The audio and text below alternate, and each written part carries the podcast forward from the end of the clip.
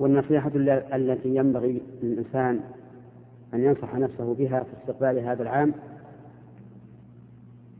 هو أن ينظر ماذا أودع العام الماضي من الأعمال الصالحة وماذا قام فيه من الأعمال التي تنفعه وتنفع غيره من المسلمين ولا سيما طلبة العلم.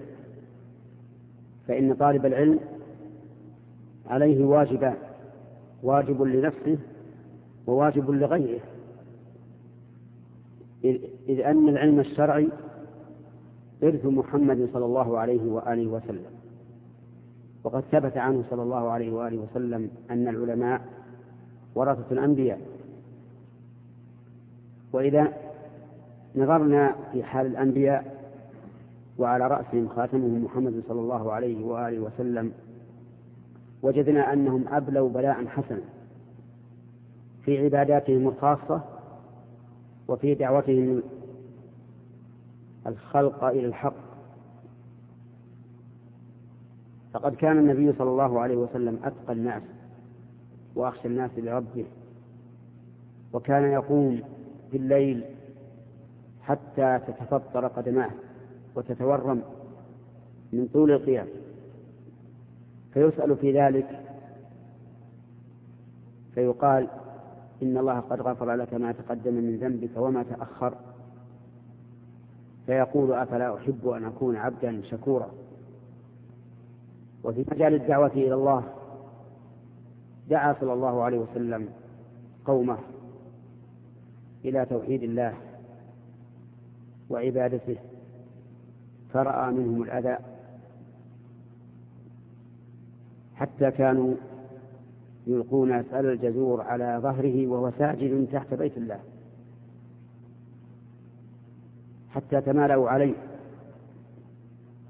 لما ذكر الله سبحانه وتعالى في قوله وإذ يمكر بك الذين كفروا ليثبتوك أو يقتلوك أو يخرجوك. فكان النقاش بينهم على هذه الأمور الثلاثة. الإثبات وهو الحبس والقتل والإخراج. فأذن الله سبحانه وتعالى له بالخروج بالهجرة من مكة إلى المدينة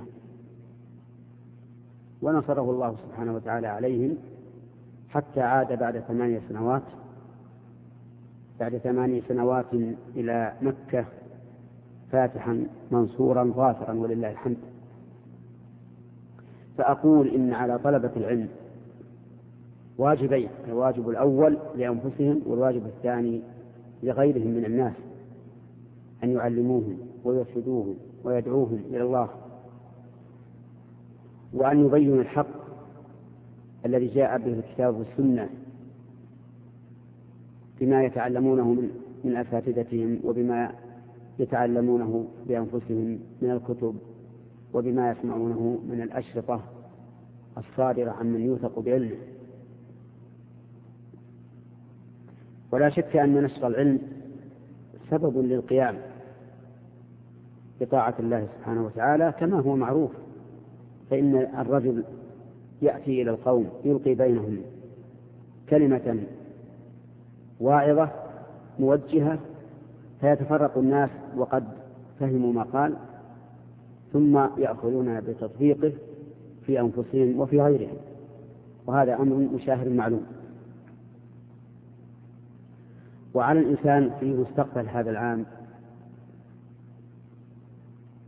أن يعد نفسه بالجد والاجتهاد وتتميم ما نقص في العام الماضي وتحسين ما كان فيه شيء من الاعوجاج أو الانحراف حتى يستقبل هذا العام بجد ونشاط. وليعلم وليعلم أن الإنسان إذا عود نفسه الكسل زاد عليه وصعب عليه أن ينشط بعد ذلك.